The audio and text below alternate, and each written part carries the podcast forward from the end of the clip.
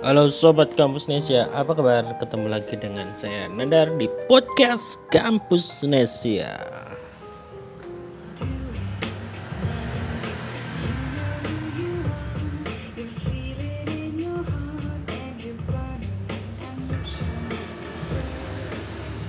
Kita ditemani lagu It's Amazing dari Jam Jam apa Jam ya? Hmm. Lagu ini itu dulu sempat viral di Indonesia karena jadi uh, soundtracknya iklan big movie Global TV ya. Tahun berapa ya? 2014 atau 2015 apa ya kalau nggak salah ya.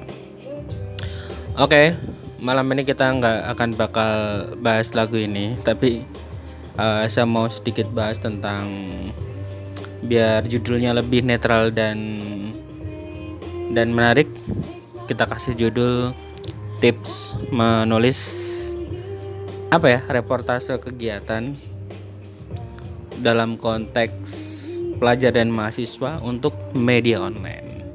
Jadi ceritanya nih eh, podcast ini direkam tanggal 9 Februari 2023 uh, yang kalau kalender akademiknya uh, Undip uh, bentar lagi itu bakal masuk setelah libur semester dari Desember kemarin. Dan sebagian mahasiswa itu lagi pada KKN. Dan di sini saya sebagai uh, kampus Nesia uh, kita seperti tahun-tahun sebelumnya punya program untuk bantu teman-teman yang butuh publikasi reportase KKN-nya bisa mengirimkan rilisnya ke kampus Indonesia dan nanti setelah kita review bakal kita publish gitu. Dan program ini gratis tidak dipungut biaya, tapi ya ya itu tadi kita harus review dulu yang pertama dan yang kedua tentu saja hmm, harus bersabar karena gantian dan yang luar biasa adalah kalau tahun-tahun sebelumnya itu biasanya itu uh, secara waktu itu tersebar. Artinya bahkan mulai dari awal KKN itu udah pada ngirim gitu. Nah yang tahun ini tuh sepertinya karena ngejar deadline udah mau selesai ngirimnya itu bener-bener dua tiga hari belakangan ini tuh banyak banget ya. Kayak udah ada lima puluhan lebih art, uh, email yang masuk dua tiga hari ini yang semuanya minta uh, dipublish di kampus Indonesia. Uh, yang pertama uh, memang di Undip setahu saya ya beberapa tahun belakangan itu uh, KKN itu ada tugas tambahan yaitu mempublish reportase kegiatannya di media online, media online dan cetak sebenarnya ya.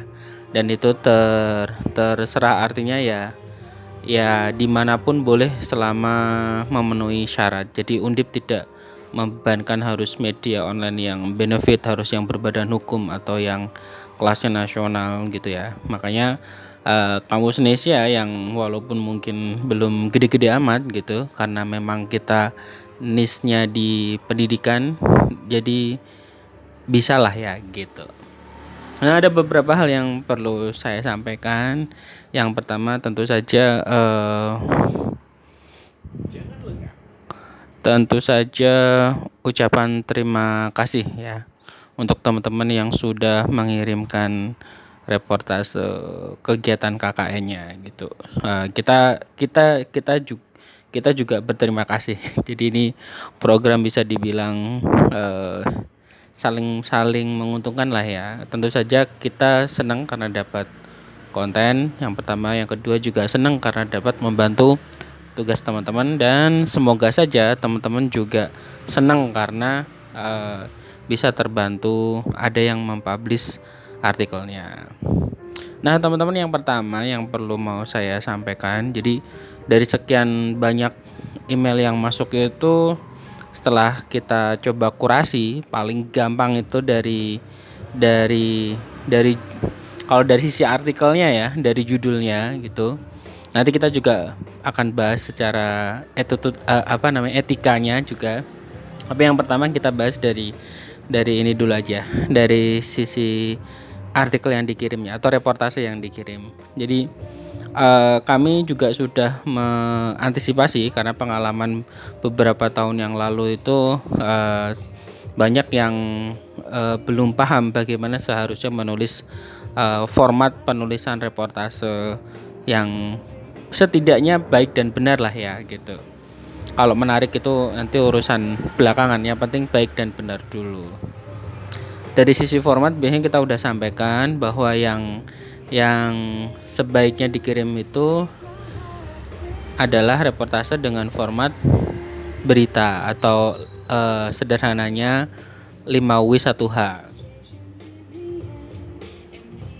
Berarti uh, apa namanya? memenuhi unsur what, when, who, where, terus uh, how gitu ya. Jadi sederhananya itu uh, kegiatannya apa, uh, dilaksanakan di mana, bagaimana pelaksanaannya, siapa yang melaksanakan dan uh, kapan gitu. Itu itu minimal uh, uh, eh 4 W 5 eh aku saya kok lupa ya. 5 W 1 H itu harus terpenuhi gitu ya itu dulu jadi semuanya semua unsur itu harus terjawab dulu baru kemudian nanti kita bicara uh, bagaimana cara merangkainya gitu. Dan yang berikutnya adalah judul. Judul nah ini mungkin ini saya juga menemukan beberapa yang teman-teman itu menggunakan kata-kata yang apa ya bombastik gitu. Saya paham ya maksudnya itu biar menarik tapi justru kalau menurut saya itu jadi wagu maka beberapa yang menurut saya memang uh, kegiatan yang disampaikan itu bagus tetap kita publish dengan uh, perubahan judul. Kalau menurut kita judulnya aja udah enggak enggak banget dan isinya tambah enggak kurang gitu ya saya menghargai tetap teman-teman. Jadi kita memilih uh, untuk tidak mohon maaf kita belum bisa mempublikasikannya. Jadi beberapa judul itu dibuat bombastis misalkan wow terus apa uh, penggunaan istilah bim salah bim. Gitu gitulah pokoknya ya. Keren kreatif gitu ya. Menurut saya itu ya penting tapi nggak nggak melulu harus begitu gitu. Bisa dengan juga ditulis dengan gaya formal tapi uh, tetap menarik gitu. Paling enggak pembaca itu punya gambaran. Jadi isinya nanti tentang apa dari judul yang yang kita buat gitu. Itu terus foto juga harusnya yang relevan gitu ya uh, masih kebanyakan tuh masih dokumentasi foto bersama ya. Padahal kan akan lebih menarik kalau foto itu adalah dokumentasi kegiatannya. Jadi misalkan kalau teman-teman uh, kegiatannya itu pelatihan ya foto dokumentasi ketika pelatihan tuh jauh lebih menarik bagi calon pembaca dan medianya daripada uh, foto yang dilampirkan itu adalah foto ketika acara udah selesai kemudian ngumpul dan foto bersama ya gitu. Kemudian itu dari sisi uh, kontennya ya ya uh, penulisan formatnya juga mestinya harus sesuai dengan dengan uh, yang seharusnya. Kemudian bagaimana menulis judul dan uh, foto. Dan ini yang paling penting ya uh, tanpa mengurangi rasa hormat kepada teman-teman yang melakukan program entah itu program yang monodisiplin atau yang uh, program kelompok gitu ya.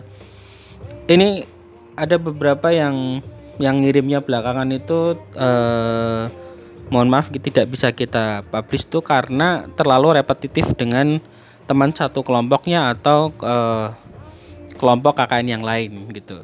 Kalau tahun ini yang paling banyak saya temui itu misalkan uh, tentang pembuatan peta gitu. Peta desa peta apa peta apa gitu. Karena mungkin jurusannya juga kali ya jurusannya juga itu. Dan itu mengingatkan jadi dulu ketika saya kecil tahun 9 berapa ya? Uh, karena saya masih SD jadi mungkin sekitar tahun 95 atau 96 gitu ya. Itu ada KKN dari UNES ya tahun segitu 95 atau 96 gitu. Dan programnya itu adalah pembuatan peta desa. Karena waktu itu desa saya masih kategori impres apa desa tertinggal lah gitu ya. Dan peta itu tuh masih ada sampai saya kelas 6 SD di balai desa. Dan itu di dibuat di papan tulis gitu pakai spidol permanen. Kemudian dibikin kayak papan tulis ada tiangnya gitu jadi saya ingat jadi ingat masa kecil saya ya karena teman-teman banyak membuat program tentang uh, pembuatan peta di di desa gitu. Ya sebenarnya nggak masalah cuman uh, kalau saya boleh menyarankan itu coba cari angle atau sudut pandang yang yang berbeda dari temennya yang lain ketika membuat reportasenya. Jadi uh, hal itu akan membuat kegiatan yang teman-teman laporkan itu punya perbedaan atau uh, pembeda, sisi pembeda daripada teman yang lain. Kalau semuanya nulis tentang apa namanya pembuatan peta batas desa penegasan dan segala macam kan kita juga memperti ketika kita mau ngupload tuh kita mempertimbangkan nah ini kan kemarin atau tadi kan udah ada temennya yang nulis tentang ini kegiatan ini jadi jadinya repetitif ya berulang-ulang dan ya mohon maaf kita belum bisa mempublish semuanya maksimal dua lah gitu ya misalkan. Lebih dari itu nanti jadi monoton konten kita gitu ya. Nah saran saya kalau memang kegiatannya sama bisa di bisa ditonjolkan sisi yang berbeda. Contoh misalkan kalau yang satu itu bahas tentang uh, batas desa kemudian nanti bisa yang lain itu bahas peta tentang uh, jalur evakuasi gitu atau mungkin peta demografi misalkan persebaran uh, hasil apa uh, potensi alam atau potensi ekonomi atau yang lain gitu. Jadi jadi ada perbedaan dengan dengan teman-temannya yang lain gitu dan kita jadi lebih menarik ketika menampilkan itu uh, berikutnya uh, nanti kalau saya ingat saya akan bahas lagi kita beralih dulu ke sisi uh, etika. Jadi ini ini kalau sekarang tahun ini ya setidaknya semuanya itu memenuhi standar lah. Misalkan eh, apa namanya? Karena kita juga ngasih pengumuman ya bahwa kita menerima kiriman reportase KKN dari teman-teman. Caranya adalah dengan mengirimkan email eh mengirimkan reportasenya ke email alamatnya di kampusnesia. Eh, sorry kampusnesia@gmail.com kemudian kita kasih uh, apa istilahnya arahan kalau subjeknya itu nanti uh, publikasi reportase KKN atau permohonan publikasi reportase KKN kemudian body emailnya dari salam pembuka perkenalan kemudian maksud dan tujuan salam penutup dan dilampirkan uh, berupa file Microsoft Word dan foto yang relevan dengan kegiatan. Nah, tahun ini alhamdulillah ya 95% sudah sesuai gitu ya. Dan itu juga bukan tanpa alasan kenapa kita ngasih pengumuman kayak gitu karena dulu itu ya kalau pas ngirim tuh asal aja gitu ya. Bahkan uh, ngirim body emailnya itu di subjek itu kan ya gimana ya. Dan dan dulu pernah kejadian itu tidak ada body emailnya jadi cuman dikirim bahkan tidak pakai subjek hanya mengirimkan uh, file dan file dan apa MS Word sama fotonya misalkan gitu. Yaitu piye yo? Jadi kit enggak uh, sebagai informasi teman-teman ya kampus Indonesia itu juga uh, kita tuh sering mendapat email dari uh, luar gitu ya luar negeri di luar Indonesia dengan bahasa bahasa Inggris. Dan menurut saya secara etika itu mereka bahkan untuk maksudnya kita kan ya dibilang gede ya enggak gitu ya dibilang kecil memang enggak tapi dinotis sama orang-orang luar negeri. Biasanya kalau orang-orang luar negeri itu kerjasamanya untuk artikel placement atau iklan atau uh, link insertion gitu ya insert insert untuk backlink ya dan itu uh, etika korespondensi dengan emailnya itu sopan banget gitu ya. Nah, kadang kalau saya bandingkan dengan misalkan ya teman-teman mahasiswa yang minta publikasi itu wah, itu jauh banget ya. Makanya kadang seleksi pertama kita itu dari etika ya seperti uh, itu kita perhatikan. Kalau emailnya itu subjeknya udah nggak jelas, body emailnya nggak ada, ujuk-ujuk minta dipublish bahasanya juga uh, ya udah ya mohon maaf ya kita skip yang kayak gitu ya. Kita kita prioritaskan yang uh, secara etikanya itu memenuhi gitu ya. Kenapa juga ada alasan kenapa kita kita minta dilampirkan berupa MS Word sama foto gitu ya. Karena kadang ada juga yang ngirimnya itu berupa PDF bukan apa-apa teman-teman tapi uh, apa ya kalau kalau mungkin tidak di hari-hari yang ramai kiriman rilis atau publikasi gitu kita nggak masalah ya harus copy paste dari uh, eh, PDF tapi kalau kayak gini kan itu membuang-buang waktu gitu ya. Nah lebih enak itu kalau dari MS Word gitu ya. MS Word biasanya kita prosesnya lebih cepat gitu. Bahkan kalau dari agensi yang profesional biasanya mereka tuh uh, langsung di badan email. Jadi apa jadi kita kita sebagai media itu ketika mau upload atau publish itu benar-benar efisien. Dan fotonya yang dilampirkan juga juga apa uh, resolusinya tinggi kemudian penamaan filenya juga diperhatikan. Jangan kemudian uh,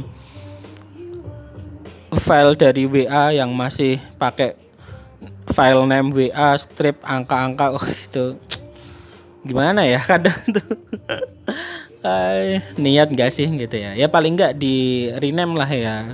E, dikasih keterangan fotonya itu tentang apa gitu.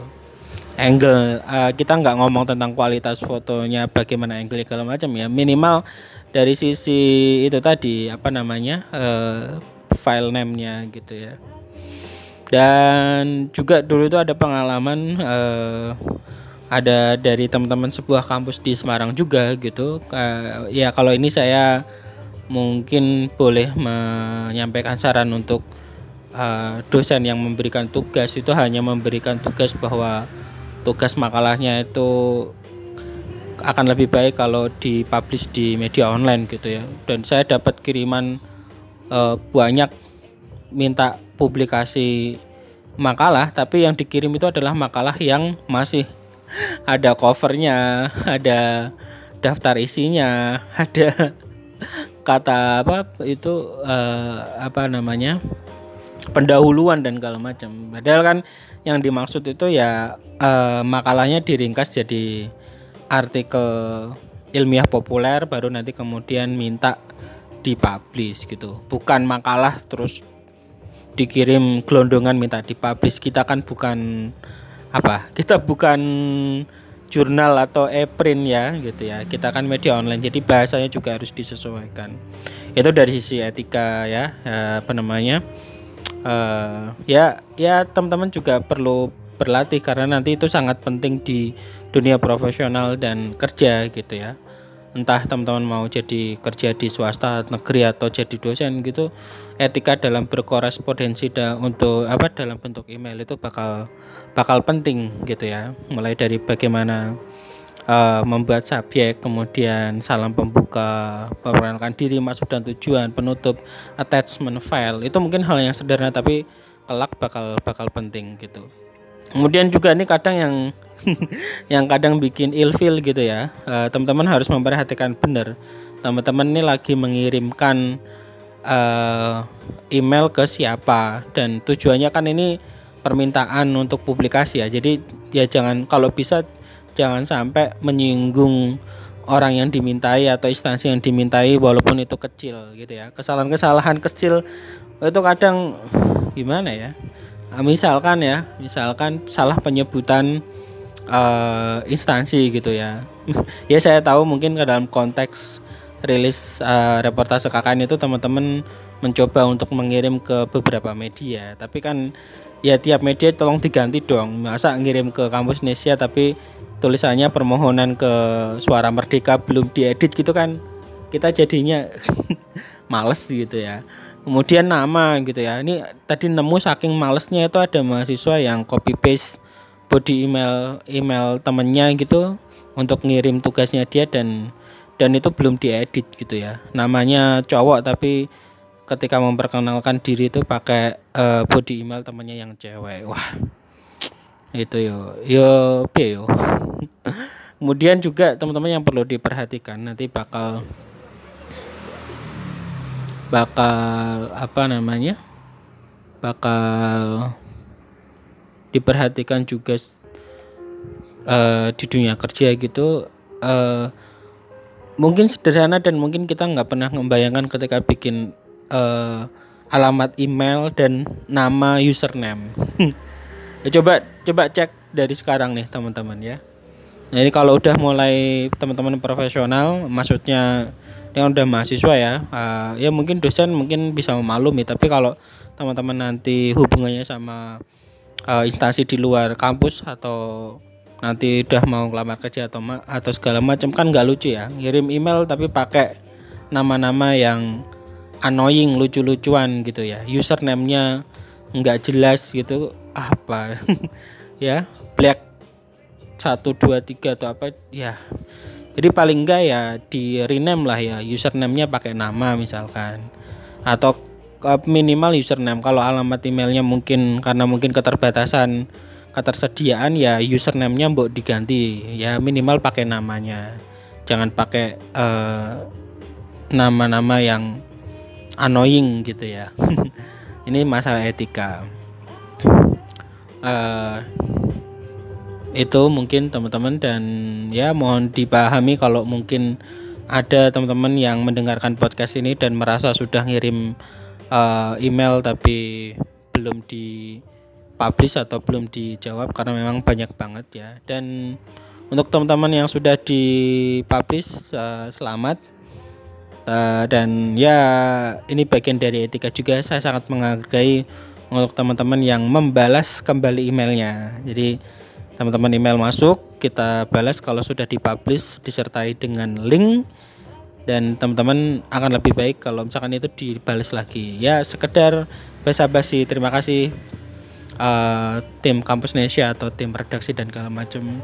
Dan ini yang penting uh, sebenarnya mungkin karena teman-teman terbiasa ya dengan sapaan manmin manmin artinya admin. Tapi uh, kalau bagi kami karena konteksnya kita adalah sebuah media online dan di secara struktur itu mm, lebih tepat disebut redaksi maka sapaan yang digunakan itu akan lebih sopan kalau teman-teman pakai uh, redaksi atau bapak ibu minimal gitu ya. Jangan jangan kemudian manmin manmin gitu ya. Kesannya kayak lagi ngechat uh, akun Instagram toko online atau apa gitu ya.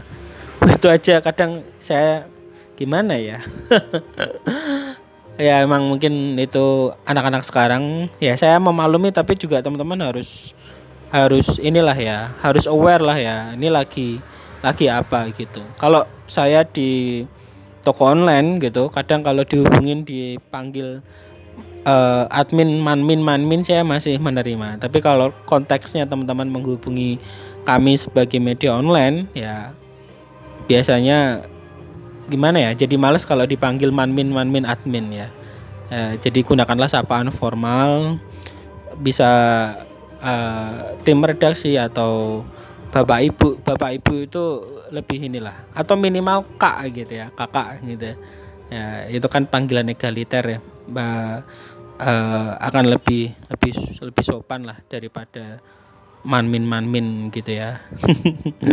Ya oke teman-teman gitu sharing kita tentang uh, podcast kali ini tentang tips menulis dan mengirim reportasi kegiatan kegiatan. Dalam hal ini konteksnya adalah teman-teman pelajar dan mahasiswa yang punya kegiatan. Jadi sebenarnya nggak melulu tentang KKN ya. Jadi teman-teman nanti kalau di organisasi atau atau di komunitas punya kegiatan ya ada baiknya itu bisa apa uh, itu bisa ditulis dalam bentuk reportase dan bisa dikirimkan ke media online. Dan bagi kami paling uh, set, uh, setidaknya untuk kampus Indonesia kita senang kalau dapat kiriman rilis kegiatan dari teman-teman. Selama itu kegiatannya positif ada manfaatnya paling enggak tidak provokatif misalkan ya. Bahkan kalau kalau apa dimungkinkan gitu ya. Misalkan teman-teman lagi ngadain aksi yang yang penting tujuannya itu untuk umum bukan untuk kepentingan tertentu kita siap publish gitu ya. Beberapa kali kita juga publish tentang aksi-aksi yang dilakukan eh, teman-teman dalam konteks menyampaikan aspirasi berupa demonstrasi misalkan. Jadi nggak melulu kegiatan yang sifatnya sosial tentang ini bahkan untuk yang sifatnya kayak gitu juga selama itu untuk kepentingan umum kita bisa bantu publish gitu. Dan formatnya kita ulang lagi uh, sebaiknya ditulis dengan format berita dengan uh, memenuhi unsur 5W1H kemudian fotonya juga yang relevan. Diperhatikan etika dalam berkoresponden berkorespondensi lewat email gitu agar kita enak gitu. Oke teman-teman semoga bermanfaat. Mohon maaf kalau ada salah-salah. Ini udah 25 menit. Sampai ketemu di podcast selanjutnya. Saya Nandar wassalamualaikum warahmatullahi wabarakatuh